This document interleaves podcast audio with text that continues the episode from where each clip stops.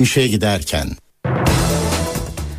Mutlu sabahlar. Ben Aynur Altunkaş. Bugün 6 Şubat Çarşamba işe giderkenle karşınızdayız. Saat 9'a kadar Türkiye ve dünya gündemindeki gelişmeleri paylaşacağız. Gazete manşetlerini, piyasa verilerini, yol ve hava durumlarını aktaracağız. Gündemin öne çıkan başlıklarıyla başlayalım.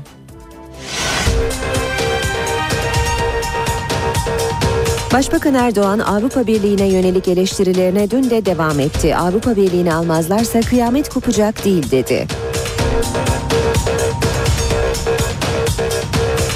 Başbakan İmralı ile görüşme süreci konusunda dağdaki teröristle kucaklaşanı İmralı'ya göndermeyiz diye konuştu.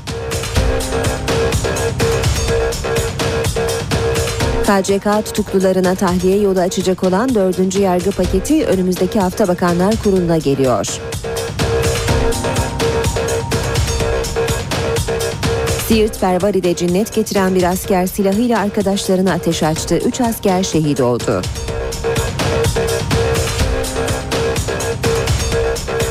Türkiye'ye gelen Patriot sisteminin son bölümü Gaziantep'e konuşlandırıldı. Kırklareli Baba Eski'de sağanak yağış taşkınlara neden oldu. Solomon Adaları'nda 8 büyüklüğünde deprem meydana geldi. İşe giderken gazetelerin gündemi.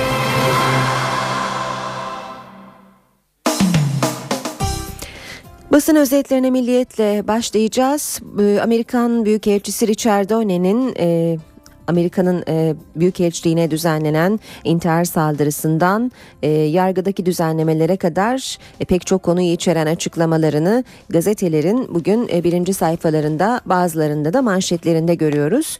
Milliyet'te de saldırıya davalı yanıt manşeti var. Amerikan Büyükelçisi Richard Donne, DHKPC'nin Amerikan sistemine karşı suç işlediğini ve dava açabileceklerini söyledi. Büyükelçi Silivri'den İmralı sürecine, Irak'tan Suriye'ye kadar çok önemli açıklamalar yaptı.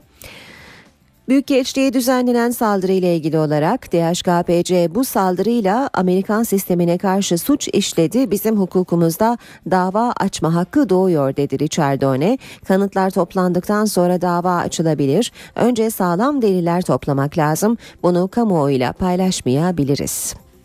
Uzun süredir hapiste olan milletvekilleriniz var. Askeri liderleriniz terörist gibi hapse kondular. Diğer Chardonnay PKK'ya da şu mesajı vermiş. Davanız ne olursa olsun silah kullanarak başarılı olamayacaksınız. Bunun sonu bir yere varmayacak. Irak'ı bütün olarak görmek gerekir diyor Richard Donne. Biz Türkiye'nin petrol ve gazın %20'siyle değil tümüyle ilgilenmesini arzu ediyoruz. Esad'ın geleceğinin olmadığı da açık demiş Richard Donne. Saray Sierra cinayetiyle ilgili olarak Haberin başlığı Milliyet'te şüpheler 8 Hanutçu'da. Amerikalı Sierra'nın cesedi bulunmadan iki gün önce polisi arayan bir kişi 8 Hanutçu peşindeydi deyip isim verdi savcılık. Bu kişileri takibe aldı denmiş haberin ayrıntılarında. Başkandan çok sert mesajlar, Anayasa Mahkemesi Başkanı Haşim Kılıç'ın açıklamalarını görüyoruz Milliyet'te. Keyfi yorumların takdir hakkının kötüye kullanılmasının mağdur bir kitle oluşturduğunu belirten Kılıç, dün hak ihlaline uğrayanlarla bugün aynı ihlalleri yaşayanların kimliklerinin farklı olması bu düşüncemizi değiştiremez dedi. Son başlık milliyetten postacı olmayız. BDP eş başkanı Gülten Kışanak partisini kapsayan bir ortaklaşma olmadığı sürece sorunun çözülemeyeceği kanaatinde pozitif katkı için ellerinden geleni yapacaklarını söyleyen Kışanak ancak açık söylüyoruz biz örgütle Öcalan arasında postacı olmayız diyor. Radikal'de de Richard Donne'nin açıklamaları manşette yanlış giden hususlar var başlığıyla. Amerikan Büyükelçisi Başbakanı referans gösterip yargıyı eleştirdi. Richard Donne, ülkeyi koruma görevi verilen askeri liderlerin hapiste olmasının kafa karıştırdığını söyledi. Amerikan Büyükelçisi Başbakanın uzun tutukluluk eleştirisine gönderme yaptı. Askeri liderlerin, milletvekillerinin, öğrencilerin tam anlaşılmayan suçlamalarla hapiste olduğunu söyledi. Hükümetin reform paketlerine dikkat dikkat çeken Richard Donne, insanlar düşünce suçlarından dolayı hapse girmesin. Başarılı olmak zorundasınız. Biz de sadece elimizden geleni yapacağız dedi. Cumhuriyette de manşette görüyoruz açıklamaları anlayamıyoruz başlığıyla. Amerika'nın e, Büyükelçisi Francis Richardo neden uzun tutukluluklar konusunda eleştiri geldi demiş Cumhuriyet. Az önce aktardığımız ayrıntılı açıklamaları Cumhuriyet'te de görüyoruz. Yine ayrıca e, saldırı ile ilgili olarak da Amerika'nın DHKPC'ye karşı dava açabileceği konusundaki sözlerini de eklemiş Cumhuriyet haberine. Devam edelim. Haşim Kılıç'ın açıklamalarını yine görüyoruz Cumhuriyet'te. Asıl olan özgürlük başlığıyla hukukçular demokratikleşmenin temel göstergesinde birleşti. Türkiye'de ifade ve medya özgürlüğü konferansında konuşan Anayasa Mahkemesi Başkanı, devleti kurtarma duygularının ifade özgürlüğü alanında yaralar açtığını söyledi. Devam ediyoruz. Basın özetlerine işe giderken de vatana bakalım. Vatanda da PKK ile kucaklaşan İmralı'ya gidemez manşeti var. Başbakan Erdoğan'ın açıklamaları Erdoğan'dan İmralı heyetinde yer almak isteyen BDP eş başkanı Gülten Kışanak'la Aysel Tuğlu'a veto dağdakiyle kucaklaşanı göndermeyiz demiş vatan. Erdoğan Öcalan'la görüşmeye gideceklerle ilgili şerhlerin bulunduğunu söyledi. İmralı'nın belli yerlere mesajının ulaşması bakımından kendisinin güvenebileceği talepleri var ama dağdakiyle kucaklaşanı İmralı'ya göndermeyiz diyor Başbakan Erdoğan. Devam ediyoruz. Ee, Vatan Gazetesi'nden aktarmaya yine. Öcalan'ın saçları savcıda 8. Cumhurbaşkanı Turgut Özal'ın ölümünün araştırıldığı soruşturmanın zaman aşımından düşmesine 2,5 ay kala Ahmet Özal savcılığa geldi. 20 yıldır hatıra diye sakladığı babasının saçlarını savcıya teslim etti. Bir spor haberi aktaralım. Galatasaray'a ağır suçlama Aziz Yıldırım, Snyder ve Drogba transferleri için üstü kapalı olarak manipülasyon suçlaması yapmış. Hürriyetle devam edelim. Avrupa Birliği'nin yaptığı saygısızlıktır diyor manşet hürriyette. Başbakan Erdoğan Avrupa Birliği'nin Türkiye'ye karşı tutumunu saygısızlık diye niteledi ve ekledi. Avrupa Birliği'ni almazlarsa kıyamet kopacak değil. Avrupa Birliği'ne dönük mesajlarına Orta Avrupa gezisinde de devam eden Erdoğan, ha onu da söyleyeyim Avrupa Birliği bizim olmazsa olmazımız değil. Avrupa Birliği'ni almazlarsa kıyamet kopacak değil. Zaten kıyamet de kopmuyor. Biz yine yolumuza yine istikrarlı şekilde devam ediyoruz dedi. 10 gün delil arayacaklar. Amerikalı Saray Sierra'nın ölü bulunduğu can kurtarandaki araştırma 5. gününde polis alanı genişlettiği çalışmalara belediye de katıldı.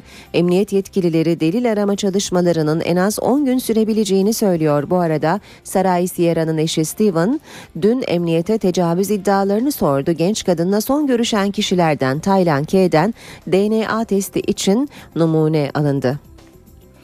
Saray Sierra'nın annesi Betsaida Jimenez e, kızının ölümünü torunlarından sakladıklarını, babalarının dönmesini beklediklerini söyledi. İmralı Canisi Başbakan'ın yeni gözdesi. MHP lideri Devlet Bahçeli sert konuştu. AKP'nin teröristlerle düşüp kalkması, utanmadan İmralı'ya kapılanması, Kandil'e gönül vermesi büyük belaları üzerimize çekmektedir. İmralı Canisi Başbakan'ın yeni gözdesi, yeni sırdaşı ve yeni ortağı olarak gittikçe sivrilmektedir dedi MHP lideri Bahçeli. Sorunlu misafir başlığıyla bitirelim hürriyeti. Ankara'da gözaltına alındıktan sonra suç işlemediği için mahkemece serbest bırakılan Ladin'in yakın adamı El-Kaideci Süleyman Abu Gayt vatansız olduğu için bir haftadır yabancılar şubesinde misafir ediliyor. Geçiyoruz sabah gazetesine. Üyeliğimiz ırkçılığın panzehiri olur diyor. Sabahta sürmanşet Başbakan dünyanın karşı karşıya geldiği en büyük tehdit küresel adaletsizliktir dedi. Budapeşte'deki açıklamalarını görüyoruz Başbakanın sabahta da.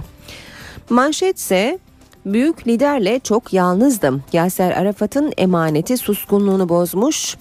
Süha Arafat efsane lider Yaser Arafat'la 22 yıllık evliliğinin sırlarını hiç bilinmeyen acılarını anlatmış. Hikayem hiç de göründüğü gibi değil demiş Süha Arafat. Ayrıntılı olarak görüyoruz Arafat'ın açıklamalarını. Habertürk'e geçelim. Habertürk gazetesinde Manşet jandarmadır yatıya da kalır. Tutuklu ve hükümlü artık cenaze ve hastalıkta geceyi evinde geçirecek. Güvenlik riski varsa jandarma da yatıya kalacak demiş Habertürk haberinde. Kaçan cipin sürücüsü konsolos eşi. İstanbul Bebek'te motosikletli çifti arkadan çarpan cip durmadan kaçtı. Polis cipin kadın sürücüsünün bir konsolos eşi olduğunu belirledi. Karakola davet edilen AK olayın şokuyla paniğe kapıldım dedi. Devam ediyoruz basın özetlerine işe giderken de 150 bin ev erkeği başlığını yine Habertürk'te görüyoruz. Aile Bakanlığı devlet yardımı alan 5 milyon haneyi inceledi. 25-45 yaş arası çalışabilecek durumda olup çalışmayan 150 bin erkeği tespit etti. 20 bini iş sahibi yapıldı. Yardım kesildi. Akşama geçelim. 3,5 milyarlık bahis çetesi demiş akşam manşette. Türk ve dünya futbolu şike skandalıyla çalkalanıyor ama yasa dışı işler sadece yeşil sahada dönmüyor. Türkiye'deki bahis çetelerinin cirosu 2 milyar doları aştı. Boş dükkan bulan bahis adı altında yasa dışı kumar oynatıyor. Yeni Şafak'ta manşet kapağını bile açmadılar. PKK'lı 3 kadının infazıyla ilgili tutuklanan tetikçinin bağlantılarını çözemeyen Fransa, Türkiye'nin gönderdiği dosyayı dikkate almadı. Soruşturma yürüten Paris Savcılığı, MIT ve Emniyet'in hazırladığı raporun kapağını dahi açmadı. PKK meselesinde tarafsınız bahanesini öne süren savcılık, Türk makamlarıyla bilgi de paylaşmadı. Ve zamanla bitiriyoruz. Ee, Başbakan Erdoğan'ın Macaristan'dan yaptığı açıklamaları görüyoruz. Zamanın manşetinde AK Parti'nin anayasa taslağında başkanlık sistemi de olacak. Daha önce referandumla kabul edilen 26 madde yeni anayasada yerini koruyacak. İçeriği zenginleştirilebilir ama o maddeler çıkarılamaz. Krallık mı gelecek diyorlar. Ne alakası var başkanlık sisteminin krallıkla? Şu an başbakanın hatta cumhurbaşkanının gücü başkana göre daha fazla diyor Başbakan Erdoğan. NTV Radyo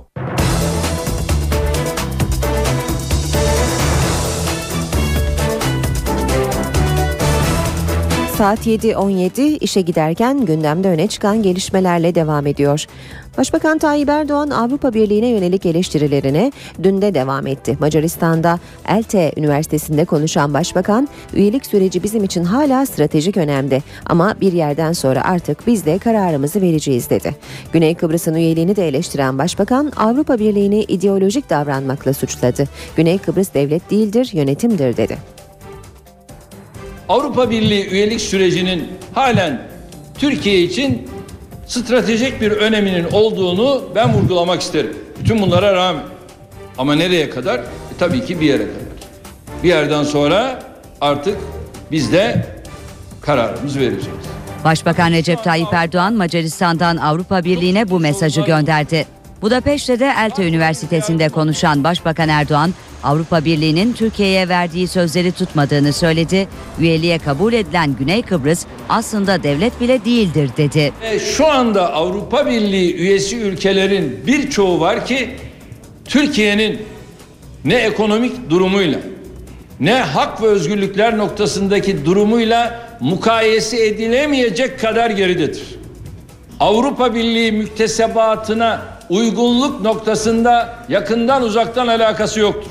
İdeolojik yaklaşımlarla bunlar Avrupa Birliği'ne alınmıştır. Bunlardan bir tanesi Güney Kıbrıs'tır. Bir defa Güney Kıbrıs devlet değildir. Güney Kıbrıs bir yönetimdir. várhatóan Başbakan Macaristan'da Türkiye Macaristan İş Forumu'na da katıldı. Başbakan Erdoğan, Türkiye'nin Arap dünyasıyla olan ilişkilerine yönelik eleştirilere yanıt verdi. Araplarla ne işiniz var dediler. Körfez'de ne işiniz var dediler. Bize bunu diyenler Araplara her türlü yatırımı yaptılar. Her türlü mallarını ihraç ettiler. Oraların altyapı üst yapısıyla onlar ilgilendiler. Bize bunu tavsiye edenlerin orada ne işi vardı? Fransa'da orada, İngiltere'de orada, Amerika'da orada, hepsi orada. E biz oraya gidince niye rahatsız oluyorsunuz? Ha pastaya ortak çıktığından rahatsız oluyorlar. Sıkıntı o. Başbakan Erdoğan'a Türk-Macar İş Forumu sonrası üniversiteli Macar Müslüman Gençleri grubu üyeleri Kur'an-ı Kerim'in Macarca mealini hediye etti. Amerika Birleşik Devletleri'nin Ankara Büyükelçisi Francis Richard Done yargı sistemine eleştiriler getirdi. Uzun tutukluluk sürelerine tepki gösteren Richard Done, Avrupa mahkemeleri bunlara anlam veremez dedi. Ankara'da gazetecilerin sorularını yanıtlayan Amerikalı Büyükelçi, milletvekillerinin, komutanların, profesörlerin ve öğrencilerin uzun süredir tutuklu olduğunu hatırlattı. Sanıkların neyle suçlandıklarını bilmediğini savunan Richard Done, askeri liderleriniz terörist gibi hapse kondu. Eski yok başkanı demir parmaklıklar arkasında. Tam anlaşılmayan 16 yıl önceki belirsiz suçlamalarla hapse konuldular dedi.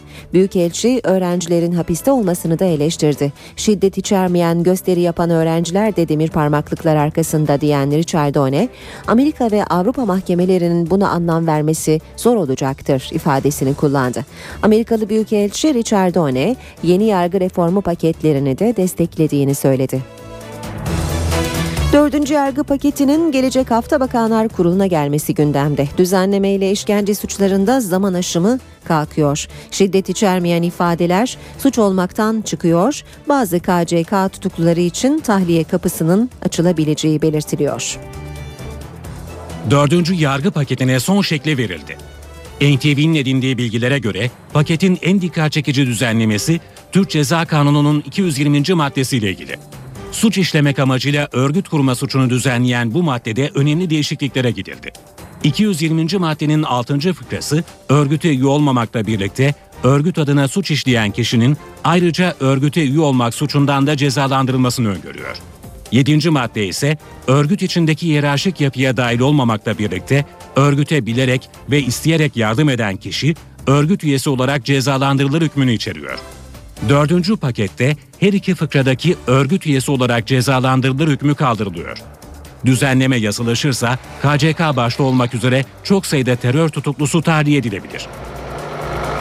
Paketle işkence ve kötü muamele suçlarında zaman aşımı kaldırılıyor. Türk Ceza Kanunu'nda suçu ve suçluyu övmeye dönük düzenlemelerde pakette yumuşatılıyor.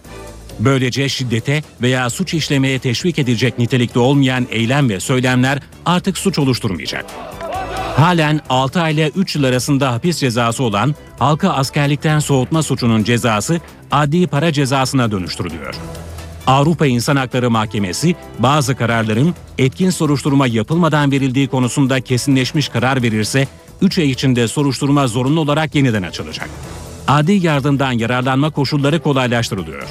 Adi yardım talebi reddedilenler karara itiraz edebilecek. İstenirse duruşmalı inceleme yapılacak. 3,5 ayda tamamlanamayan kamulaştırma işlemlerinde hak sahibine yasal faiz ödenmesi imkanı getiriliyor. Paketin gelecek haftaki Bakanlar Kurulu'nun gündemine gelmesi bekleniyor.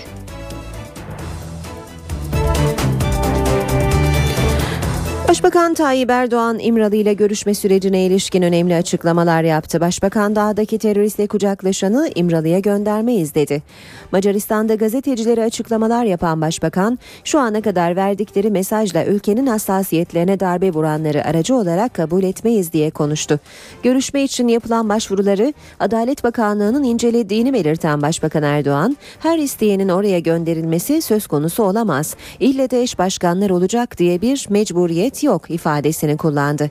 Erdoğan Paris'te öldürülen 3 PKK'lı kadının cenazesinde yaptığı Kürt kardeşlerimiz bombalanıyor açıklamalarından dolayı Mardin Milletvekili Ahmet Türk'ü bir kez daha eleştirdi. Bu tür konuşmalar karşısında hassasiyetimizi korumalıyız dedi. İmralı görüşmelerine kimlerin katılacağı ile ilgili konu dün Adalet Bakanı Sadullah Ergin'e soruldu. Ergin'den bekleyip göreceğiz yanıtı geldi. Erbil'e dönük e, İmralı'daki hükümün oraya götürüldüğüne dair iddia tamamen gerçek dışı düşünülmesi bile söz konusu değil. Tebessümle karşılıyorum sadece.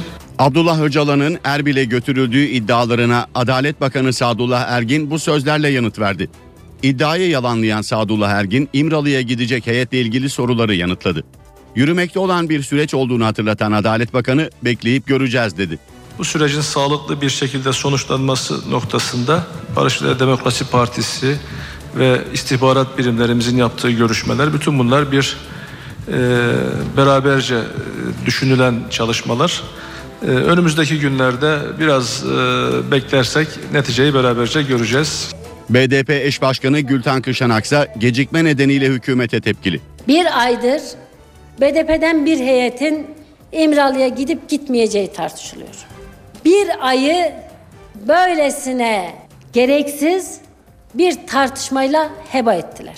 Bir aydır basın üzerinden sürekli niye sürekli spekülatif haberler yayarak bu süreci geciktiriyorsunuz? Basın üstünden spekülasyon yapıldığını savunan Kışanak, AK Parti'ye süreci devam ettirmek için görüşelim önerisi yaptı. AKP grubuyla BDP grubunun arasında birkaç metre var. Biz niye görüşmüyoruz? MHP lideri Devlet Bahçeli ise İmralı sürecine yönelik eleştirilerini bu grup toplantısında da sürdürdü. Türk milleti parçalanmakta ve bölücülük meşrulaştırılmaktadır diyerek hükümete yüklendi. AKP tam olarak BDP'nin klonlanmış, PKK'nın genetiği değiştirilmiş değişik formatından başka bir şey değildir. Çözülen terör değil, Türkiye Cumhuriyeti'dir. BDP eş başkanı Selahattin Demirtaş hükümetin İmralı ile yürüttüğü diyalog sürecini bir zafiyet olarak değil kararlılık ve ileriye doğru atılmış bir adım olarak gördüklerini söyledi. Demirtaş Strasbourg'da Avrupa Parlamentosu'nda düzenlenen Türkiye ve Kürtler İmralı süreci konulu toplantıda konuştu. Abdullah Öcalan'la görüşülerek psikolojik bir sınır ve tabunun aşıldığını belirten BDP eş başkanı biz bu durumun hükümeti zora sokacak bir siyasi malzeme olarak kullananlara karşıyız, katılmıyoruz dedi. İlk görüşmeyi izleyen 10-15 gün içinde ikinci bir ziyaret gerçekleşebilirdi diyen Demirtaş, Paris'te meydana gelen suikast nedeniyle bunun yapılamadığını ifade etti. Demirtaş, Abdullah Öcalan tarafından yapılması beklenen çağrının da Paris suikastı nedeniyle ertelendiğini söyledi. PKK'nın ateşkes, geri çekilme ve silahsızlanma konularını görüşmeye açık olduğunu düşünüyorum diyen Demirtaş, buna karşılık örgütün Öcalan'la doğrudan temas kurması gerektiğini savundu. Birçok aile çocuklarını terör örgütlerinin elinden kurtarmak istiyor. Bunun için mücadele veriyor. İsmail Ercan da yıllardır çocuğuna sarılabilmenin hayalini kuruyor. Ercan aynı durumda olan aileler için bir de dernek kurdu. Hiç hiç hiç görmedim ben. Gitti gideli benim hiç haberimiz yok kardeşim ben. İnkar mıyım? Ben bir koyun çobanı bir adamım. Fotoğrafını görünce mi anladınız? Bu zaman anladım. Kendi kendine taşa yaktı. Beni de yaktı, kendini de yaktı. Devlete karşı boynumu eğridi. Ordulu Sadık Şanlı'nın 15 yıl boyunca haber alamadığı oğlu Ecevit, Amerika Birleşik Devletleri Büyükelçiliğine yönelik canlı bomba eyleminin failiydi. Sadık Şanlı oğlunu bir fotoğraf karesinden tanıdı. Kendini de bizi de yaktı dedi. Bizi çocuklarımıza düşman gösteriyorlar. Ve bir başka baba, İsmail Ercan. Oğlu cezaevinde ancak canlı bomba eyleminin ardından oğlunun hapiste olmasına bile sevinir oldu. Çocuğumun o an cezaevinde olmasından mutluluk duydum. Çocuğum sağ salim orada duruyor. Demek ki dışarıda olsa belki de benim çocuğumu kullanacaklardı. 16 yaşındaki Berk Ercan, Yani- bir polisin şehit olduğu canlı bombaya destek eylemine katıldığı iddiasıyla tutuklandı. Bu bildiri İsmail Ercan, oğlunu terör örgütünden kurtarabilmek için yaptığı açıklamalarla gündeme geldi. Şimdi de Terör Mağduru Aileler Derneği'ni kurdu. oğlumu cezaevinde bile benimle görüştürmek istemediler. Ercan, oğlunu örgütten kurtarmak isteyen diğer ailelere sesleniyor. Ne olur çocuklarınıza sahip çıkın. Onların kiminle arkadaşlık ettiğini, hangi yayın yayınlar okuduklarına çok dikkat edin. Amerikan Büyükelçiliğine yönelik canlı bomba saldırısına ilişkin hem MHP hem de CHP'den hükümete yönelik güvenlik zafiyeti eleştirisi geldi. Dün Amerikan Büyükelçisi Richard Done de konuştu. Teröristler hiçbir zaman kazanamayacak dedi. Saldırıda yaralanan Didem Tuncay da hızla iyileşiyor. Teröristler hiçbir şekilde kazanamayacak. Bu sözler Amerika Birleşik Devletleri'nin Ankara Büyükelçisi Francis Richardone'ye ait. Richardone, Uluslararası Stratejik Araştırmalar Kurumu'ndaki sempozyumda konuştu. Bu saldırılar ilişkilerimizi bozamaz dedi. Saldırı Türkiye ile Amerika Birleşik Devletleri arasındaki işbirliğini ve birlikte çalışma eğilimini daha da artırdı. Saldırı sonrasında her alanda ilişkilerimiz güçlendi. Buna duygusal alan da dahil. Hukuk devletinin güçlendirilmesi için Türkiye ve Amerika Birleşik Devletleri arasındaki güvenlik, diplomasi, askeri her alanda terör örgütlerine karşı mücadele artacak. Bu sene iyi başlamadı ancak iyimserliğimi koruyorum. Richardone'nin konuşacağı salonda alınan güvenlik önlemleri de dikkat çekti. Elçilik saldırısı muhalefetin de gündemindeydi. MHP lideri Devlet Bahçeli hükümete güvenlik zafiyeti eleştirisinde bulundu. Sayın Cumhurbaşkanı'nın emniyet teyakkuzdaydı, maalesef önlenemedi beyanı da başarısızlığın, yetersizliğin ve beceriksizliğin işareti olarak görülmelidir. CHP'den gelen tepkiler de aynı yöndeydi. istihbarat bilgilerine rağmen bu şahısın denetim altında tutulmaması doğrusu kabul edilebilecek bir yer değildir. ve saldırıda yaralanan Didem Tuncay'ın sağlık durumu. NTV'nin eski diplomasi muhabiri Tuncay'ın sağlık durumu her geçen gün daha iyiye gidiyor. Tuncay'ın tedavi gördüğü numune hastanesi gün boyu ziyaretçi akınına uğradı. Yatağında fevkalade güzel karşıladı bizi. Çok güzel bir konuşma oldu. Ziyaretçiler arasında Başbakan Yardımcısı Bülent Arınç, Avrupa Konseyi Genel Sekreteri Jurgland ve Genelkurmay Başkanı Orgeneral Necdet Özel adına Genelkurmay Genel Sekreteri Tuğgeneral Metin Özbek vardı. Az sonra İstanbul trafiğine ve spor haberlerine bakacağız. Şimdi kısa bir aramız var. Ara vermeden önce gündemin başlıklarını hatırlayalım.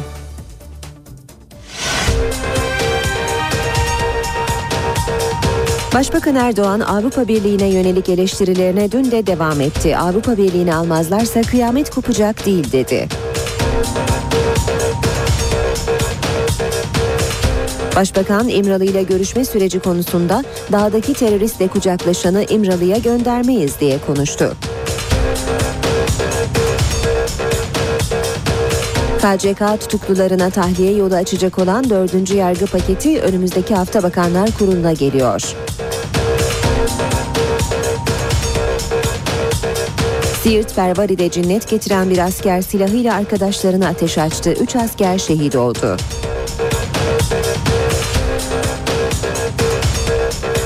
Türkiye'ye gelen Patriot sisteminin son bölümü Gaziantep'e konuşlandırıldı. Kırklareli Baba Eski'de sağanak yağış taşkınlara neden oldu. Solomon Adaları'nda 8 büyüklüğünde deprem meydana geldi.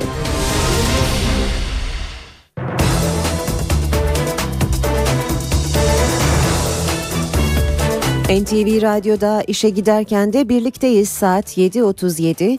Birazdan spor haberleri okuyacağız gazetelerin spor sayfalarından. Önce İstanbul trafiğine bakalım. Şu anda D100'de İncirli yan yol Merter yönünde kalan bir araç buradaki trafik akışını olumsuz etkiliyor. Fatih Sultan Mehmet Köprüsü Anadolu Avrupa geçişi yoğunluğu Çakmak Köprüsü gerisinden başlayıp köprü girişine kadar devam ediyor. Avrupa Anadolu geçişinde ise yoğunluk gişelerden başlıyor. Köprü çıkışında da kısa bir süre devam ediyor. Tem otoyolunda Anadolu yakasında Ataşehir'den Çamlıca gişelere kadar devam eden bir yoğunluk olduğunu görüyoruz. Kartal Kavşağı'ndaki çalışma sebebiyle E5'te Kartal'a gelişte e, bir yoğunluk söz konusu. Ayrıca Bostancı Kozyatağı arasında da trafik yavaş ilerliyor. Devamında Göztepe'de yoğunlaşan trafik Uzunçayır'a kadar da bu şekilde e, koşu yoluna kadar hatta bu şekilde devam ediyor.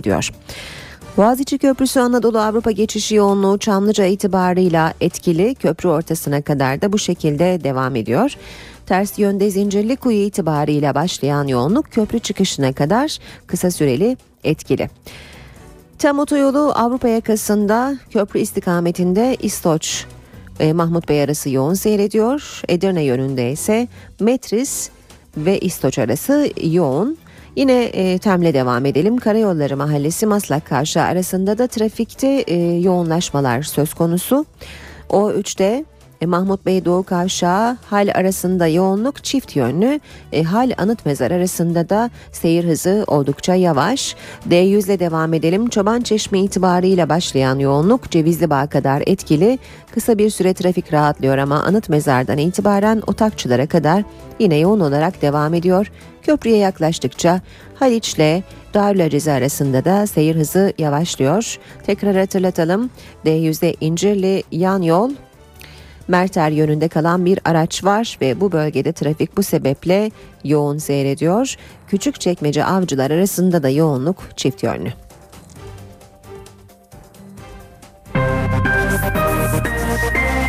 İşe giderken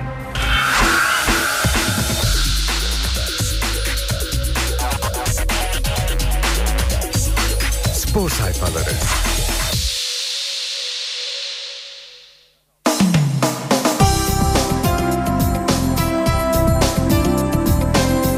Spor haberleri aktarmaya Milliyet Gazetesi ile başlayacağız. Manipülasyon transferleri diyor başlık.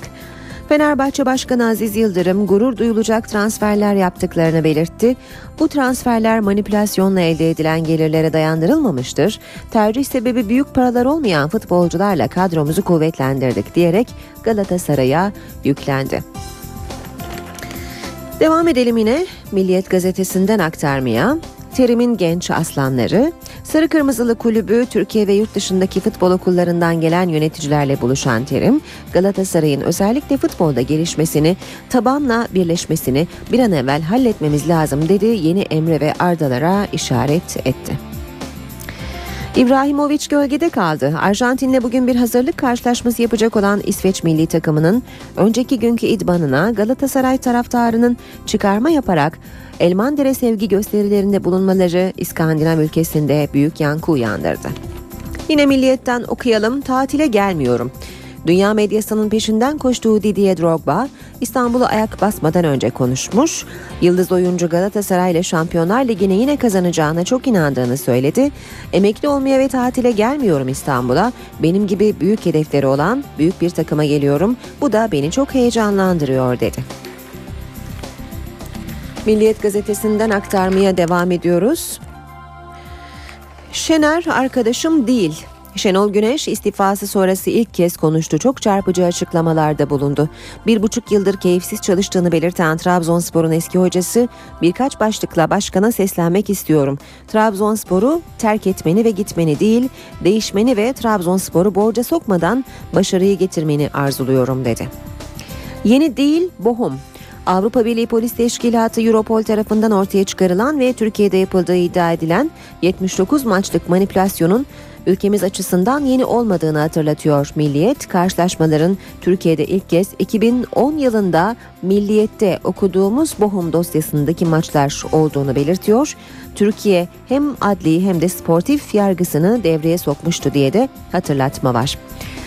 3 Temmuz sunumu başlığını görüyoruz yine. Interpol görevlisi John Abbott 3 Temmuz süreciyle ilgili kendilerine bir sunum yapıldığını söyledi. Ancak biz soruna global olarak baktık. Anlayacağınız üzere bu sadece Türkiye'nin ya da tek bir ülkenin değil tüm dünyanın karşı karşıya kaldığı bir sorun diye konuştu. A milli takımın e, bugün Çek Cumhuriyeti ile bir e, karşılaşma e, yapacağını hatırlatalım. Bugün bu, ma- bu maçla ilgili olarak haberleri görüyoruz yine e, gazetelerin spor sayfalarında. Tarihindeki 501. maçını Çek Cumhuriyeti ile oynayacak A milli takım ve Manisa şehri de bu karşılaşmaya ev sahipliği yapacak. 19 Mayıs stadında saat 20.15'te başlayacak bu maç. Milli takım teknik direktörü Abdullah Avcı'nın açıklamaları var. Rio'ya gidebiliriz başlığıyla yer almış. Bu açıklamalar Avcı Çek Cumhuriyeti önünde alınacak galibiyetin moral açıdan çok önemli olduğunu söyledi. Dünya Kupası'na katılma iddiamız bitmedi. Umarım Rio'ya gideriz dedi. Devam ediyoruz basın özetlerine spor haberleri aktararak Hürriyet gazetesine bakacağız şimdi de. Hürriyetten aktaracağımız ilk başlık Aziz Yıldırım'ın açıklamalarını içeriyor. Manipülasyon geliriyle transfer yapmadık. Yıldırım ezeli rakiplerine hedef alırken muhalefeti ve divan kurulunun bazı üyelerini de unutmadı diyor Hürriyet gazetesi. 600 bileti Fenerbahçe aldı. Biletlerin tamamını Yıldırım aldı iddiasına yalanlama. Mersin İdman Yurdu maçı biletleri taraftarımıza kimlik fotokopisiyle satılacaktır açıklamasını yapan Fenerbahçe Kulübü bu uygulamayla herhangi bir ceza yerse bunu mahkeme yoluyla tahsil edebilecek. Midem bulanıyor başlığını görüyoruz. Fenerbahçeli kayıt Europol'ün açıkladığı yeni şike dalgasını böyle yorumladı.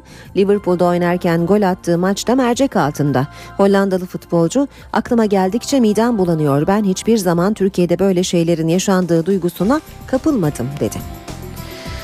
Devam ediyoruz. Yine hürriyetten aktarmaya iki adımda 48 milyon euro. Harcama 45,3 iken şampiyonlukta gelir 48,4 milyon euro olacak. Bu paraları nasıl ödeyecek denilen Galatasaray başarılarıyla kar bile edebilir. Cimbom sezon sonu lig, ligi zirvede tamamlarsa Şampiyonlar Ligi'nde Schalke'yi elemezse dahi çok önemli bir maç sağlayacak kazanç sağlayacak. Avrupa'da yola devam edildiği takdirde servet daha da katlanacak. Niye Beşiktaş'a geldin sakat mısın başlığını görüyoruz. Ahmet Kavalcı para yerine kendilerini seçen Niang'a ilginç bir soru sordu. Senegalli Yıldız'ın verdiği çarpıcı yanıtsa şaşırttı. Katar'da yıllık 7,5 milyon dolar kazanıyordum fakat pasaportuma el koydular. Yeni doğan çocuğumu görmem için bile izin vermediler. Ben de isyan edip geldim demiş Niang. NTV Radyo'da işe giderken de spor haberleri aktarıyoruz. Son olarak da Habertürk'e bakalım. Habertürk'te alın teri başlığı var. Fenerbahçe Başkanı Aziz Yıldırım'ın Galatasaray'ın yeni transferleri ile ilgili yaptığı manipülasyon açıklaması yine Habertürk'te de yer almış. Alemin kralı geliyor başlığını görüyoruz. Galatasaray'a müjde. Sarı Kırmızıların dünya ünlü transferi Didier Drogba'nın Türkiye'ye geliş tarihinin 8 Şubat Cuma olduğunu belirtiyor. Habertürk gazetesi. Son olarak da bir hatırlatma yapalım. Türkiye bugün Çek Cumhuriyeti ile karşı karşıya geliyor. Manisa 19 Mayıs tadında oynanacak bu karşılaşma saat 20.15'te başlayacak. Türkiye ve dünya gündeminin öne çıkan gelişmeleriyle işe giderken devam ediyor.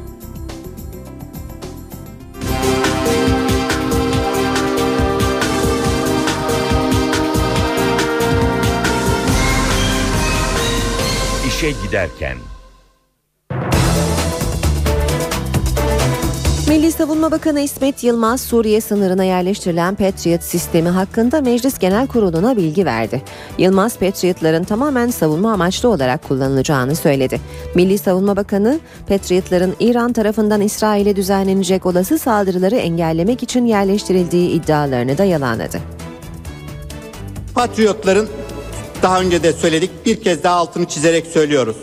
Bir taarruz silahı değildir.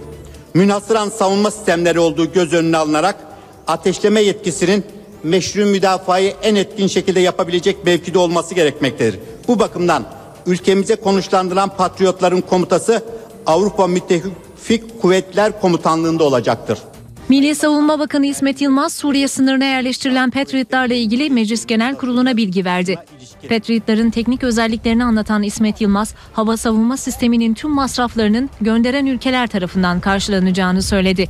Patriot bataryalarının Türkiye intikali ve işletilmeye ilişkin masraflar gönderen ülkelere aittir. Arama, izleme ve önleme fonksiyonlarını yerine getirerek hasım füzeyi hedefine varmadan havada imha etmek maksadıyla kullanılmaktadır. Füzelere karşı 20 kilometre, uçaklara karşı 120 kilometredir. Bir diğer tipin ise füzelere karşı 36 kilometre, uçaklara karşı 65 kilometredir.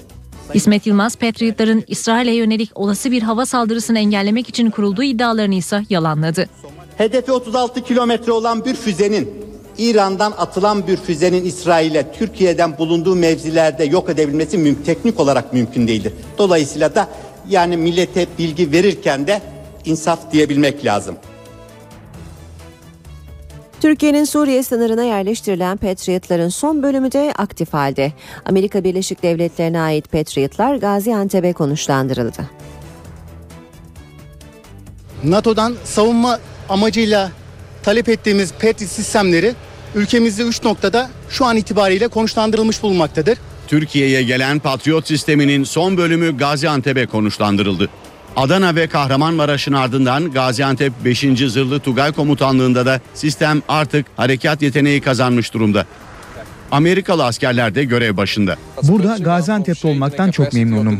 NATO kolektif bir askeri kuvvettir ve NATO müttefikleri bu zeminde birbirlerine yardımcı olmaktadırlar. 10. Hava ve Füze Savunma Komutanlığı Komutanı Albay Steve Richmond, Amerika'dan bir bataryanın daha geleceğini söylüyor. Tüm bataryalar şu anda tam olarak işlevsel değil. Sadece bir batarya var. Bu sabah aktif hale getirildi. Her rampada 4 ila 16 arasında savunma füzesi bulunuyor. Füzelerin her biri 320 kilogram ağırlığında. Sesin 5 katı hıza ulaşabilen füzeler her türlü iklim koşullarına uygun. Özel anten sistemi aracılığıyla dost ve düşman otomatik olarak ayırt edilip tehdit seviyesi belirleyebilme özelliğine sahip sistem aynı zamanda birkaç hedefe karşı mücadele edebiliyor. İşe giderken Kırklareli Baba Eski'de sağanakla birlikte dere taşınca baskınlar yaşandı. Bodrum katları suyla dolan evlerden çıkamayanların yardımına ise belediye iş makineleriyle koştu. Kırklareli'de etkili olan sağanak Şeytan Deresi'ni taşırdı. Baba Eski'de çok sayıda ev sular altında kaldı. Taşkın Atatürk Mahallesi'ndeki bazı ev ve iş yerlerine zarar verdi. Su seviyesi yer yer bir metreye kadar yükseldi. Saat 4.30-5'te kaldırdılar bizi. Bu aşırı yükseldi, bu hale geldi. Şimdi daha da yüksekti, şimdi indi. Afet ve Acil Durum Müdürlüğü ekipleri evlerinden çıkmak isteyenleri bot ve iş makineleriyle taşıdı. Üst kattaki evlerinden çıkamayanların yardımına ise belediye ekipleri yetişti. Mahsur kalanlara iş makineleriyle ekmek ve su dağıtıldı. Tek tesellimiz şu anda bir can kaybımızın olmayışı. Hiçbir can kaybımız yok. Su altında herhangi bir e, mesk meskenemiz de yok. Sadece evlerin bodrum katlarını şu anda su basmış durumda. Belediye 150'ye yakın binada su baskını yaşandığını açıkladı. Amerikalı turist Saray Sierra cinayetini çözebilmek için İstanbul polisi gece gündüz çalışıyor. 22 kişiden kan ve tükürük örneği alındı. Sierra'nın sadece İstanbul'daki değil, farklı ülkelerdeki bağlantıları da mercek altında. Amerikalı Saray Sierra cinayetinin üzerindeki sır perdesi henüz aydınlanmadı. Genç kadının kim ya da kimler tarafından niçin ve nerede öldürüldüğü sorularına yanıt aranıyor. İstanbul polisi cevapları bulmak için gece gündüz çalışıyor. Cesedin bulunduğu can kurtarandaki tarihi surların çevresinde arama çalışmaları sürüyor. Koruma çemberine alınan bölgeye görevli polisler kimseyi yaklaştırmıyor. Polis öncelikli olarak Sierra'nın kayıp bilgisayarıyla cep telefonunun peşinde. Soruşturma kapsamında 22 şüpheliden alınan kan ve tükürük örnekleri inceleniyor. Şüpheliler arasında Amerikalı turistin kaybolduğu gün mesajlaştığı Taylan Takma isimli zanlı da var. Cinayet siyasetin de gündeminde. Elbette bu cinayetin esrar perdesi aralanmalı, gerçek neden ve failleri mutlaka bulunmalıdır. Öte yandan Sierra'nın cesedinin bulunduğu tarihi surların mobese kameralarıyla 24 saat izlenmesine karar verildi. Topkapı Kazlı Çeşme arasındaki surlara yerleştirilecek güvenlik kameraları gece görüşlü olacak. Sierra'nın cesedi surlarda girişi 40 santimetre olan bir dehlizde bulundu. Başında derin bir yara izi, vücudunda çizik ve kesikler vardı. Küpe ve kolyesi de cesedin bulunduğu yere yakın bir noktaya gömülmüştü. Adli Tıp Kurumu'ndaki otopsinin ilk sonuçlarına göre tecavüz bulgusuna rastlanmadı. Tahminler başka yerde öldürüldüğü ve cesedin sur dibine taşındığı yönünde. Beyoğlu 3 Oran Ermeni Mezarlığı morguna kaldırılan Saray'ın cenazesi Amerika'ya gönderilecek. Mardin Nusaybin'de bir akaryakıt deposunda çıkan yangında 14 yaşındaki bir kız çocuğu hayatını kaybetti. Ölen kız çocuğunun babasına ait olan depoda kaçak akaryakıt satılıyor olması da haberin bir diğer önemli boyutu. Babasının iş yerine yaptığı ziyaret yaşamına mal oldu. Mardin Nusaybin'de yaşayan 14 yaşındaki Seher Sevgili akşam saatlerinde babasına ait akaryakıt deposuna gitti.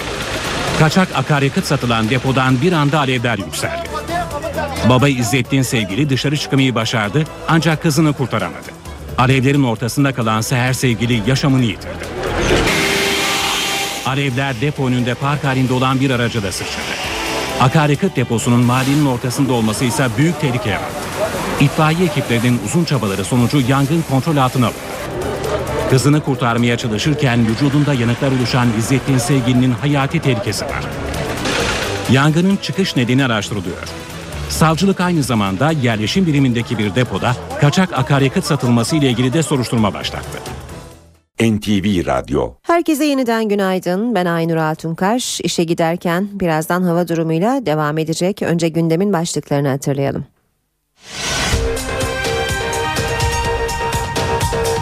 Başbakan Erdoğan Avrupa Birliği'ne yönelik eleştirilerine dün de devam etti. Avrupa Birliği'ni almazlarsa kıyamet kopacak değil dedi.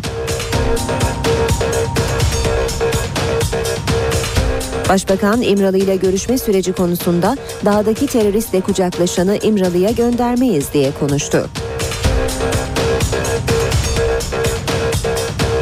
KCK tutuklularına tahliye yolu açacak olan dördüncü yargı paketi önümüzdeki hafta Bakanlar Kurulu'na geliyor.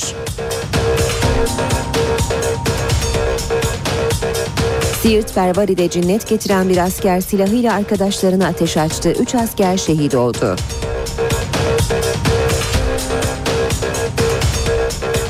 Türkiye'ye gelen Patriot sisteminin son bölümü Gaziantep'e konuşlandırıldı. Kırklareli Baba Eski'de sağanak yağış taşkınlara neden oldu.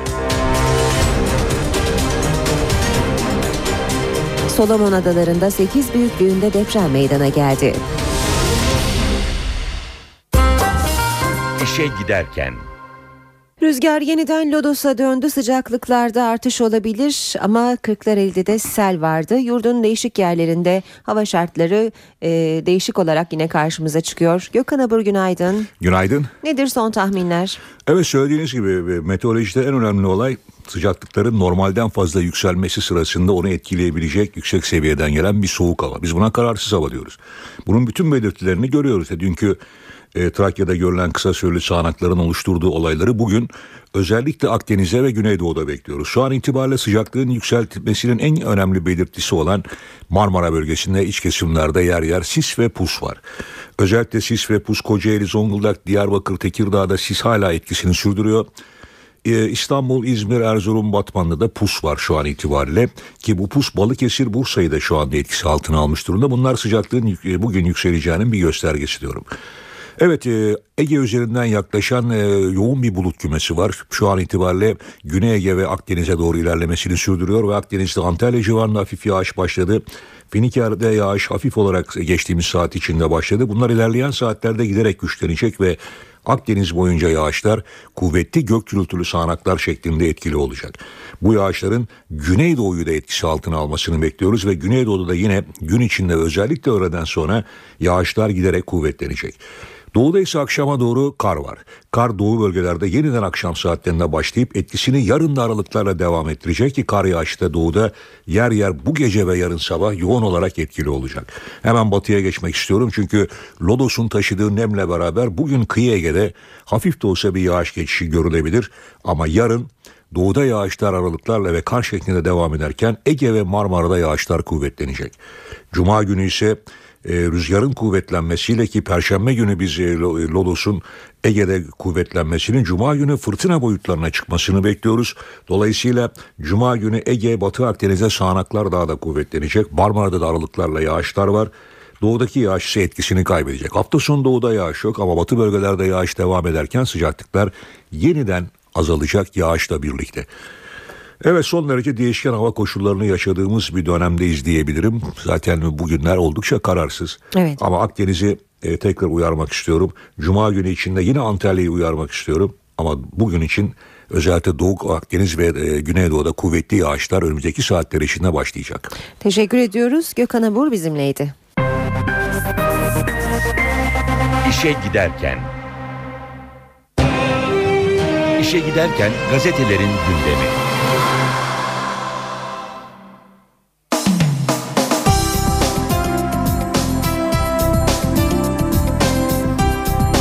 Gündemdeki gelişmelerin gazetelerdeki yansımalarına bakacağız. Hemen öne çıkan e, başlıklar Amerikan Büyükelçisi Richard Done'nin yaptığı açıklamalarla ilgili birçok gazetede manşette görüyoruz açıklamaları. Milliyet'te saldırıya davalı yanıt başlığını kullanmış haberinde.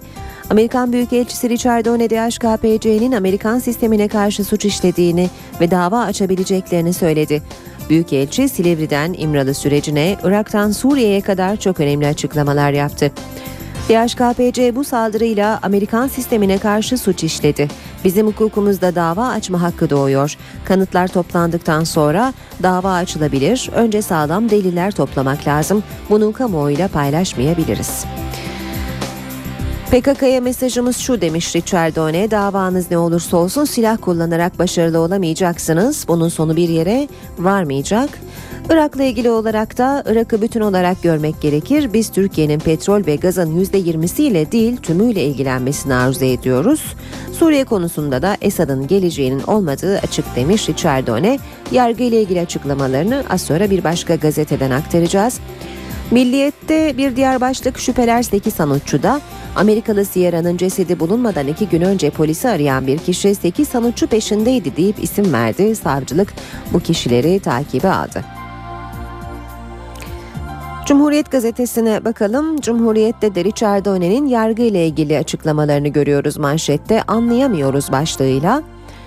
Amerikan Büyükelçisi Richard Done, Türk yargı sistemini Amerika ve Avrupa'nın anlamasının zor olduğunu vurguladı. Uzun süredir milletvekillerinin, profesörlerin, öğrencilerin tutuklu olduğu ancak neyle suçlandıklarının tam olarak belli olmadığı yorumunu yapan Richard Done, komutanlar için de onlara ülkeyi korumak görevi verilmiş ama hapse konuldular. Ayrıca şiddet içermeyen gösteri yapan öğrenciler demir parmaklıklar arkasında diye konuştu.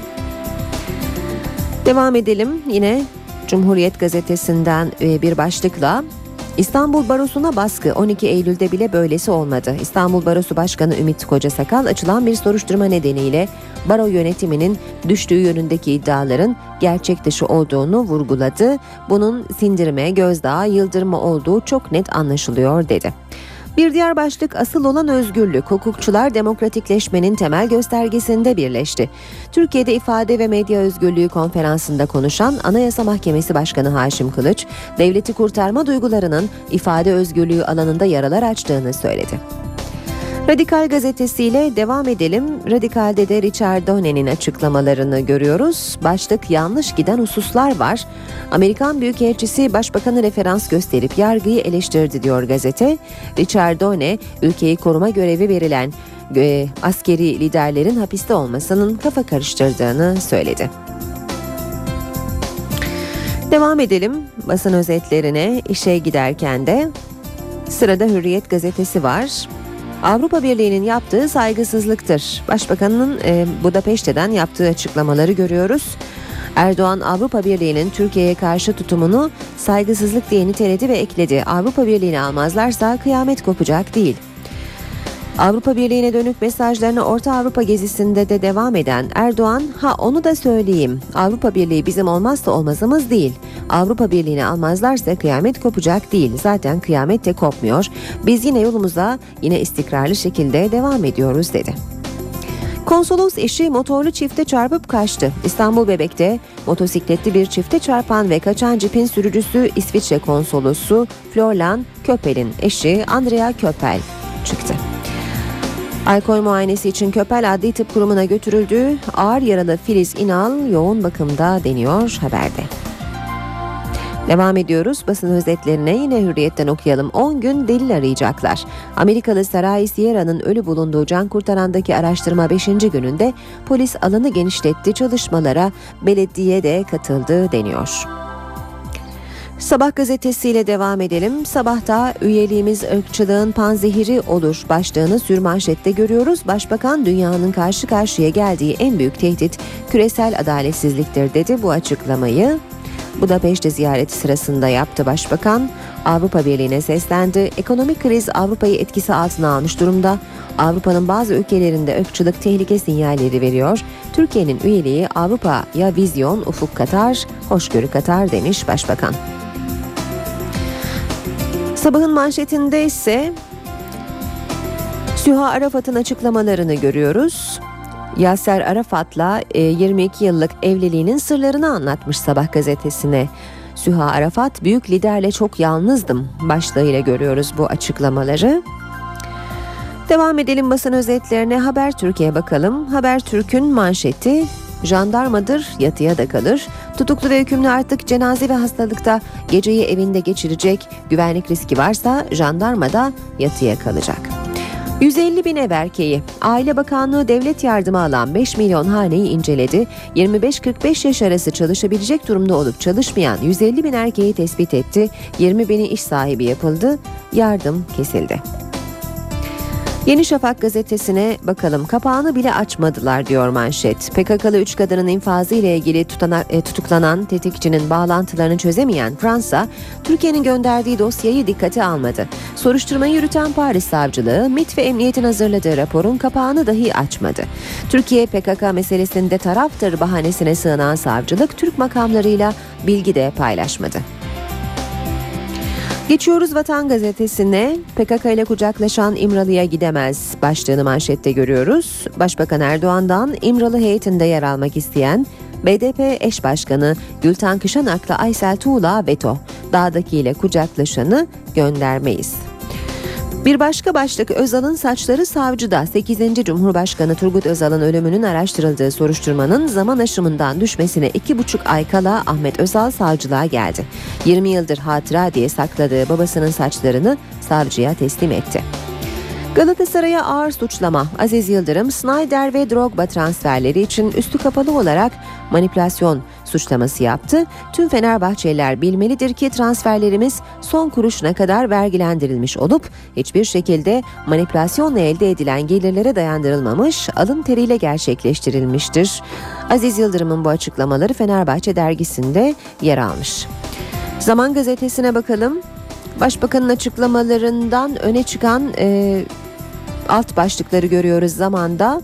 Özellikle başkanlık sistemine yönelik açıklamalar yer almış. AK Parti'nin anayasa taslağında başkanlık sistemi de olacak. Daha önce referandumda kabul edilen 26 maddede yeni 26 madde yeni anayasada yerini koruyacak, içeriği zenginleştirilebilir ama o maddeler çıkarılamaz. Krallık mı gelecek diyorlar. Ne alakası var başkanlık sisteminin krallıkla? Şu an başbakanın hatta cumhurbaşkanının gücü başkana göre daha fazla diyor Başbakan Erdoğan. Ve son başlığı akşamdan aktaralım. 3,5 milyarlık bahis çetesi Türkiye ve dünya futbolu şike skandalıyla çalkalanıyor ama yasa dışı işler sadece yeşil sahada dönmüyor. Türkiye'deki bahis çetelerinin cirosu 2 milyar doları aşıyor. Boş dükkan bulan bahis adı altında yasa dışı kumar oynatıyor deniyor haberin devamında. NTV Radyo'da işe giderken de birlikteyiz. Birazdan kısa bir ara vereceğiz ama ara vermeden önce İstanbul trafiğine bir kez daha bakalım. Fatih Sultan Mehmet Köprüsü Anadolu Avrupa geçişinde şu sıralar yoğunluk Ümraniye kavşağında etkili. Kısa bir süre e, süren bir kısa süren bir yoğunluk var. E, devamında trafik açık ancak Elmalı'da yeniden yoğunlaşıyor ve köprü girişine kadar da yoğun olarak devam edip ardından yerini akıcı bir trafiğe bırakıyor. Tem'de Kurtköy Sultanbeyli yönünde bir e, araç yanıyor. Bölgedeki trafikte bu sebeple yoğunlaşmış durumda. De, tekrarlayalım Tem'de Kurtköy Sultanbeyli yönünde yanan bir araç var. Bölgedeki trafik e, bu sebeple yoğunlaşmış durumda. Yine Fatih Sultan Mehmet Köprüsü ile devam edelim. Fatih e, gişelerde başlayan trafik köprü girişine kadar etkili devamında oldukça akıcı bir trafik var. Boğaziçi Köprüsü Anadolu Avrupa geçişi Çamlıca'da yoğunlaşıyor. Köprü çıkışına kadar etkili devamı açık. Ters yönde Anadolu yakasına girişte geçişte Zincirlikuyu itibariyle başlıyor yoğunluk. Köprü çıkışında ise rahatlıyor. D100 ile devam edelim. Köprü yönünde Yeni Bosna itibarıyla yoğun olan trafik Merter Kavşağı'na kadar bu şekilde devam ediyor. Sonrası akıcı ama e, Topkapı Otakçılar arası yine yoğun olarak sürücüleri zorluyor. Edirne istikametinde ise İncirli Yeni Bosna arası yoğun seyrediyor. Tem otoyolunda Edirne istikametinde Karayolları Mahallesi Tekstil Kent arası yoğun seyrediyor. Köprü yönünde ise Karayolları Mahallesi'nden başlayan ve Kemerburgaz ayrımına kadar süren çok yoğun bir trafik var. Devamı açık ancak Emniyet Mahallesi'nde yeniden yoğunlaşıp Maslak'a kadar da bu şekilde devam ediyor. Ve Anadolu yakasına da bakalım. Şu anda Tem'de Ataşehir'den başlayan ve Dudullu'ya kadar devam eden yoğun bir trafik var. Sonrası akıcı ancak Dudullu'dan sonra Çamlıca gişelere kadar yeniden trafik yoğunlaşıyor. Kartal Kavşağı E5 karayolunda yoğunluk var. Bostancı e, Kozyatağı arasında da kısa süreli bir yoğunluk olduğunu görüyoruz. Göztepe Uzunçayır arasında da seyir hızı oldukça yavaş.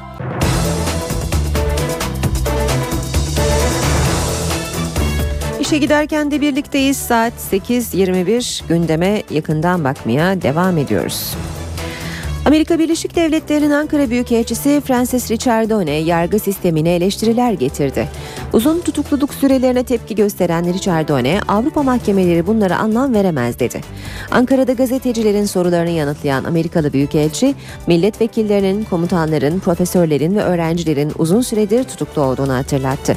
Sanıkların neyle suçlandıklarını bilmediğini savunan Richardone, askeri liderleriniz terörist gibi hapse kondu. Eski yok başkanı demir parmaklıklar arkasında. Tam anlaşılmayan 16 yıl önceki belirsiz suçlamalarla hapse konuldular dedi. Büyükelçi öğrencilerin hapiste olmasını da eleştirdi. Şiddet içermeyen gösteri yapan öğrenciler de demir parmaklıklar arkasında diyen Richardone, Amerika ve Avrupa mahkemelerinin buna anlam vermesi zor olacaktır ifadesini kullandı. Amerikalı Büyükelçi Richardone, yeni yargı reformu paketlerini de desteklediklerini söyledi.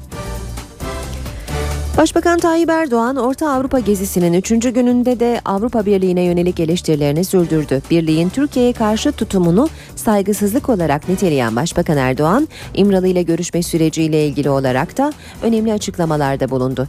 Hükümet olarak üyelik konusunda çok kararlı olduklarını belirten Başbakan Erdoğan, Avrupa Birliği bizim olmazsa olmazımız değil. Avrupa Birliği'ni almazlarsa kıyamet kopacak değil. Zaten kopmuyor da. Yine istikrarlı şekilde devam ediyoruz dedi. Başbakan Birliğin Şangay İşbirliği Örgütü ile ilişki kurmanın gayreti içinde olduğunu da vurguladı. Biz niye böyle bir gayretin içinde olmayalım diye konuştu. Başbakan Erdoğan İmralı ile görüşme sürecine ilişkin de dağdaki teröristle kucaklaşanı İmralı'ya göndermeyiz. Verdikleri mesajla ülkenin hassasiyetlerine darbe vuranları aracı olarak kabul etmeyiz diye konuştu. Başbakan Erdoğan her isteyenin oraya gönderilmesi söz konusu olamaz. İlle de eş başkanlar olacak diye bir mecburiyet yok ifadesini kullandı. Amerikan Büyükelçiliğine yönelik canlı bomba saldırısına ilişkin hem MHP hem de CHP'den hükümete yönelik güvenlik zafiyeti eleştirisi geldi. Dün Amerikan Büyükelçisi Richard Done'de konuştu. Teröristler hiçbir zaman kazanamayacak dedi. Saldırıda yaralanan Didem Tuncay da hızla iyileşiyor. Teröristler hiçbir şekilde kazanamayacak. Bu sözler Amerika Birleşik Devletleri'nin Ankara Büyükelçisi Francis Richardone'ye ait. Richardone, Uluslararası Stratejik Araştırmalar Kurumu'ndaki sempozyumda konuştu. Bu saldırılar ilişkilerimizi bozamaz dedi. Saldırı Türkiye ile Amerika Birleşik Devletleri arasındaki işbirliğini ve birlikte çalışma eğilimini daha da artırdı. Saldırı sonrasında her alanda ilişkilerimiz güçlendi. Buna duygusal alan da dahil. Hukuk devletinin güçlendirilmesi için Türkiye ve Amerika Birleşik Devletleri arasındaki güvenlik, diplomasi, askeri her alanda terör örgütlerine karşı mücadele artacak. Bu sene iyi başlamadı ancak iyimserliğimi koruyorum. Richardone'nin konuşacağı salonda alınan güvenlik önlemleri de dikkat çekti. Elçilik saldırısı muhalefetin de gündemindeydi. MHP lideri Devlet Bahçeli hükümete güvenlik zafiyeti eleştirisinde bulundu. Sayın Cumhurbaşkanı'nın emniyet teyakkuzdaydı maalesef önlenemedi beyanı da başarısızlığın, yetersizliğin ve beceriksizliğin işareti olarak görülmelidir. CHP'den gelen tepkiler de aynı yöndeydi. İstihbarat bilgilerine rağmen bu şahısın denetim altında tutulmaması doğrusu kabul edilebilecek bir şey değildir. Ve saldırıda yaralanan Didem Tuncay'ın sağlık durumu. NTV'nin eski diplomasi muhabiri Tuncay'ın sağlık durumu her geçen gün daha iyiye gidiyor. Tuncay'ın tedavi gördüğü numune hastanesi gün boyu ziyaretçi akınına uğradı. Yatağında fevkalade güzel karşıladı bizi. Çok güzel bir konuşma oldu. Ziyaretçiler arasında Başbakan Yardımcısı Bülent Arınç, Avrupa Konseyi Genel Sekreteri Jugland ve Genelkurmay Başkanı Orgeneral Necdet Özel adına Genelkurmay Genel Sekreteri Tuğgeneral Metin Özbek vardı. 8. Cumhurbaşkanı Turgut Özal'ın saç teli Ankara Cumhuriyet Başsavcılığında. Turgut Özal'ın oğlu Ahmet Özal babasının saç örneğini Özal'ın ölümüne ilişkin soruşturmayı yürüten savcılığa teslim etti. Zaten e, saç örnekleri resmi olarak şimdiye kadar istenmedi. Resmi olarak Sayın Savcı talep etti. Biz de getirdik. 8. Cumhurbaşkanı Turgut Özal'ın oğlu Ahmet Özal, babasına ait saç örneklerini savcılığa teslim etmek istemiyorum iddialarını bu sözlerle yanıtladı. Açıklamanın ardından da saç örneklerini soruşturmayı yürüten Cumhuriyet Savcısı Kemal Çetin'e teslim etti. Ahmet Özal, Adli Tıp Kurumu'nun Özal'ın vücudunda 4 farklı zehir tespit edildiğini belirten raporunu hatırlattı. Saç örnekleri de aynı sonucu verecektir dedi. Bütün vücut gövde çıktı iç organlar dahil. Zaten zehirler o gövdede iç organlarda bulundu. Dört tane ayrı zehir. Yani saça çok ihtiyaç yoktu. Bütün gövde açıldıktan bulunduktan sonra e, çok daha fazla bir önemi de, değeri adli tıp açısından çok önemli olduğunu düşünmüyor. Babasının zehirlenerek öldürüldüğü iddiasını bir kez daha tekrarlayan Ahmet Özal, Adli Tıp Kurumu raporunun henüz yayınlanmayan bölümünü gördüğünü söyledi. Rapor açıklanmadı daha gizli tutuluyor. E zaten zehir var içinde ama tabii zehirin açıklanması adli tıp raporu 4 sayfa rapor. Bunun açıklanmasına zaman var tahmin ediyorum ama e, ben gördüm e, raporu e, zehirlendiği ve öldürüldüğü kesin. Ankara gündemi. Başkent gündeminin ayrıntılarını NTV Ankara muhabiri Borayhan Gülcü aktarıyor.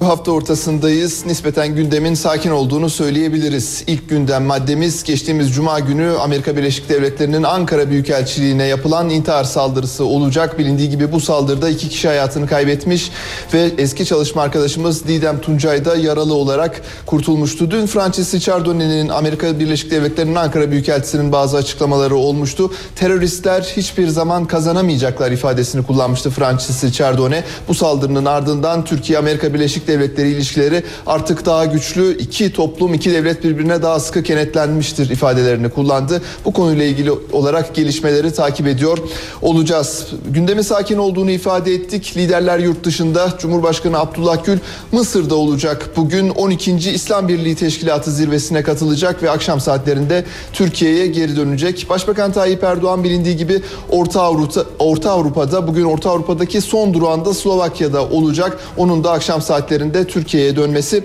bekleniyor. Milliyetçi Hareket Partisi cephesine bakacak olursak Devlet Bahçeli MHP lideri bu akşam saatlerinde gazetecilerle bir sohbet toplantısı düzenleyecek ve bu toplantıda İmralı süreci başta olmak üzere güncel meseleleri değerlendirmesi bekleniyor. Geçelim bir diğer başlığımıza. Türkiye Büyük Millet Meclisi Meclis Genel Kurulu oldukça yoğun bir tempoda çalışmaya devam ediyor. Bugün önemli bir yasa tasarısı görüşülecek. Geçtiğimiz sene görüşmelerine başlanmıştı ancak daha sonra ara verilmişti. Geçtiğimiz haftada komisyon süreci tamamlandı. Terörün finansmanı hakkındaki yasa tasarısı bugün genel kurulda olacak. Tasarı neler getiriyor çok kısa olarak özetlemek gerekirse teröre fon sağlayan kişilerin 10 yıla kadar hapisle cezalandırılmasını öngörüyor. Yine tasarıyla Birleşmiş Milletler Güvenlik Konseyi Konseyi'nin mal varlığının dondurulması kararlarının gecikmeksizin uygulanması öngörülüyor ve son olarak suçun yabancı bir devlet veya uluslararası kuruluş aleyhine işlenmesi halinde soruşturma ve kovuşturma yapılması Adalet Bakanlığı'nın iznine bağlanıyor bu yasa tasarısıyla birlikte. Bakanların programına da kısaca değinecek olursak Başbakan Yardımcısı Beşir Atalay, Almanya Federal İçişleri Bakanı Hans-Peter Friedrich'i Başbakanlık Merkez Binada kabul edecek ve son başlığımız Kalkınma Bakanı Cevdet Yılmaz Yemen planlama Planlama ve Uluslararası İşbirliği Bakanı Muhammed Said El Sadde ile ortak bir basın toplantısı düzenleyecek. Başkent Ankara'da günün öne çıkan başlıkları bu şekilde olacak. İşe giderken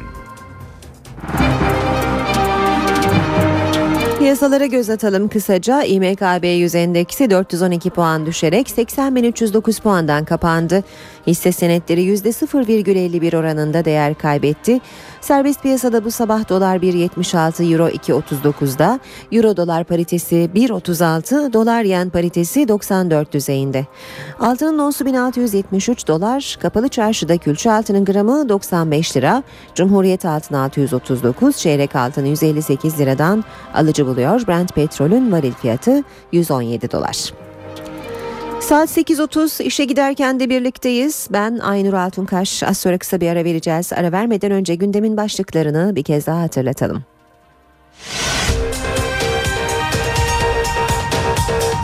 Başbakan Erdoğan Avrupa Birliği'ne yönelik eleştirilerine dün de devam etti. Avrupa Birliği'ni almazlarsa kıyamet kopacak değil dedi.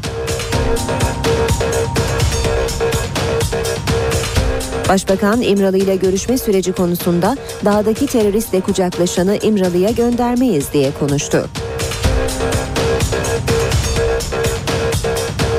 KCK tutuklularına tahliye yolu açacak olan dördüncü yargı paketi önümüzdeki hafta Bakanlar Kurulu'na geliyor.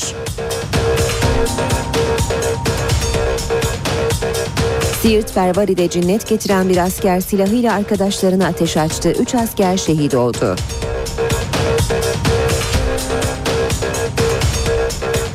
Türkiye'ye gelen Patriot sisteminin son bölümü Gaziantep'e konuşlandırıldı. Kırklareli Baba Eski'de sağanak yağış taşkınlara neden oldu. Solomon Adaları'nda 8 büyüklüğünde deprem meydana geldi.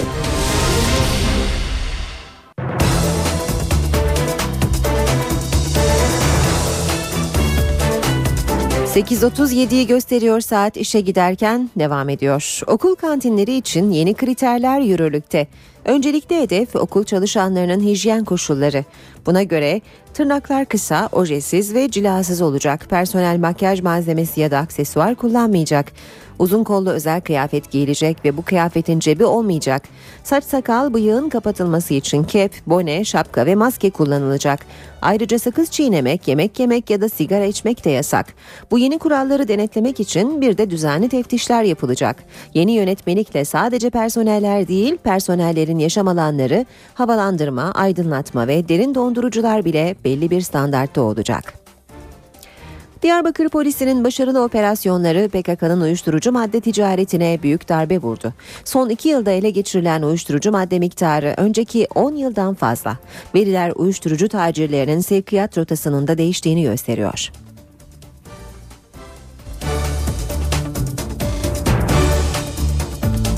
Son 10 yılın miktarı kadar son 2 yılda uyuşturucu madde yakalanmış oldu.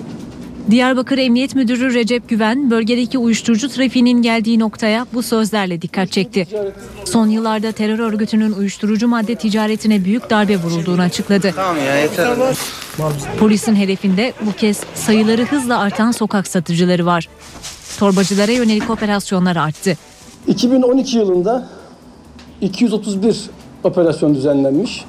Sayısal anlamda 2011'e göre daha az. 497 kişi işlem yapılmış ama yakalanan esrar oranı iki katına çıkmış 12 ton olmuş. 18.752 de ekstazi hap yakalanmış. Doğu ve Güneydoğu'da operasyonların sıklığı uyuşturucu sevkiyatının rotasını da değiştirdi. Veriler İran üzerinden yurda sokulan uyuşturucunun artık Doğu illeri üzerinden değil Karadeniz üzerinden batıya sevk edildiğini gösteriyor. Türk Standartları Enstitüsü mobilyadaki kanser tehlikesine karşı önlem aldı. Formaldehit maddesinin mobilya ve ahşap malzemede bulunma miktarının sınırlandırılması için belgelendirme yapılacak. Ahşap, panel ve bu malzemeden yapılan mobilyalardaki formaldehit miktarı Türk Standartları Enstitüsü'nün vereceği belgeyle sağlığa zarar vermeyecek düzeye indirilecek. Dünya Sağlık Örgütü'nün raporuna göre mobilya ve ahşap esaslı levhalarda kullanılan tutkal, boya ve verniklerden zamanla ayrışan formaldehit gazı insan sağlığını olumsuz etki eden kanserojen kimyasal maddeler içeriyor.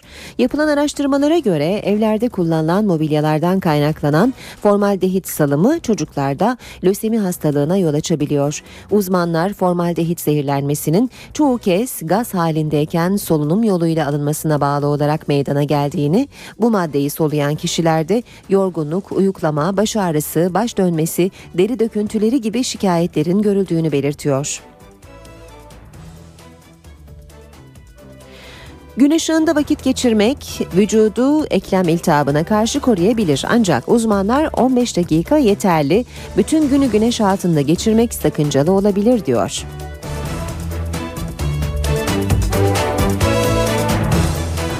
Güneş ışığı eklem iltihabı riskini azaltabilir. Amerikalı bilim adamlarının araştırması, güneşli iklimlerde yaşayanların tıp dilinde romatoid artrit olarak tanımlanan eklem iltihabı hastalığına yakalanma riskinin %20 daha az olduğunu ortaya koydu. Harvard Üniversitesi'nde yaklaşık 200 bin kadının 20 yılı aşkın süre boyunca izlendiği araştırma sonucu, güneş sayesinde sentezlenen D vitamininin vücudu bu hastalıktan koruyabileceği belirlendi. Eklem iltihabı, bağışıklık sisteminin kendi eklem hücrelerine karşı savaş açmasından kaynaklanıyor. Araştırmaya göre güneş ışığı sayesinde alınan D vitamini bağışıklık sisteminin böyle bir duruma yol açma riskini azaltıyor. Sebebi henüz tam olarak bilinmeyen eklem iltihabı kadınlarda daha sık görülüyor. Ancak uzmanlar bütün gün güneşte durmanınsa cilt için tehlikeli olacağı konusunda uyarıyor. Güneşli günlerde 15 dakika güneş ışığı alınmasının yeterli olacağı tavsiye ediliyor. Solomon Adaları 8 büyüklüğünde bir depremle sarsıldı. Büyük Okyanus'un güneyindeki Adalar Devleti'nde meydana gelen depremin ardından bölge için tsunami alarmı verildi. Adalara ulaşan dalgaların boyunun yaklaşık 1 metre yükseklikte olduğu belirtiliyor. Pasifik Okyanusu'ndaki diğer adalar için de tsunami uyarısı yapıldı ancak bu uyarı birkaç saat içinde kaldırıldı. Yerin 6 kilometre derinliğinde oluşan deprem Lata Adası'nın 80 kilometre açığında meydana geldi. Depremin can ve mal kaybına neden olup olmadıysa henüz bilinmiyor. 8 şiddetindeki depremden yaklaşık bir saat önce de bölgede 6,3 büyüklüğünde bir deprem me- meydana gelmişti.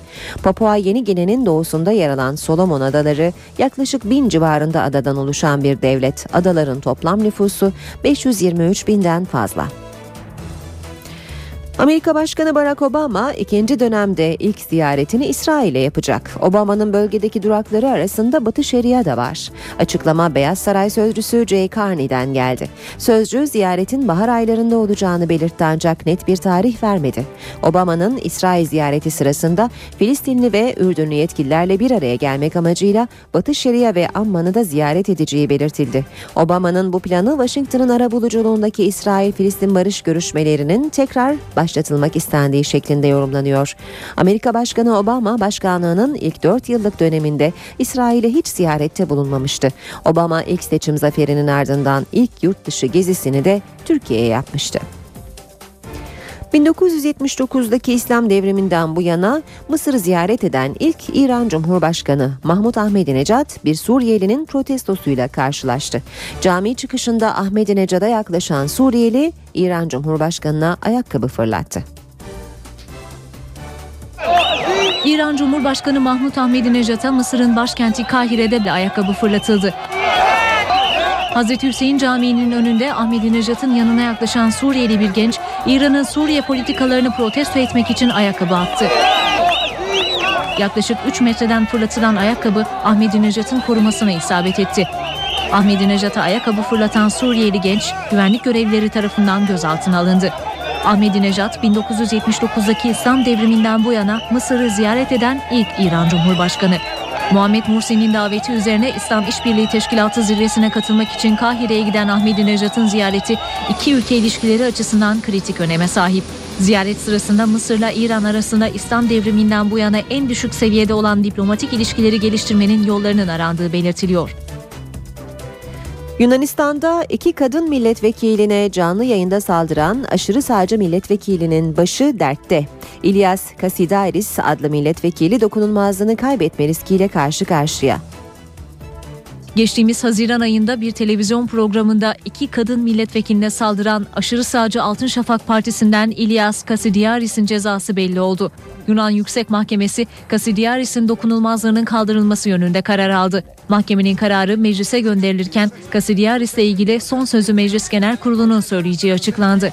Kasidiaris katıldığı bir tartışma programında önce fikir ayrılığına düştüğü Radikal Sol Syriza milletvekili Rene Duru'nun yüzüne su fırlatmış, hızını alamayan milletvekili daha sonra Yunan Komünist Partili Liana Kaneli'ye tokat atmıştı. Kasidiaris'in üyesi olduğu Altın Şafak Partisi göçmen karşıtı tutumuyla biliniyor. Aşırı sağcı parti geçen yılki seçimlerde %7 oy alarak ilk kez parlamentoya girmeye hak kazanmıştı.